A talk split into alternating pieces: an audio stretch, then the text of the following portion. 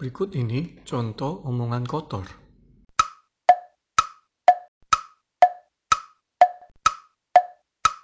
Tungguin ya, ya masa kali gue anak Tuhan ngomong kotor? Enggak lah, di Lukas 6 ayat 45 berkata, Orang yang baik mengeluarkan apa yang baik dari perbendaharaan hatinya yang baik, dan orang yang jahat mengeluarkan apa yang jahat dari perbendaharaannya yang jahat. Karena yang diucapkan mulutnya meluap dari hatinya. Dari firman ini, pakai mulut lo untuk mengeluarkan perkataan yang baik, yang memberkati, yang mendorong, dan yang menguatkan. Lebih-lebih, sekarang sosial media juga bisa jadi mulut kita. Posting yang baik-baik dan memberkati ya. Jangan ikut-ikutan sebarin apa itu namanya hoax atau hoax. Alah, sama aja. Mari kita sama-sama jadi berkat buat banyak orang mulai dari mulut kita.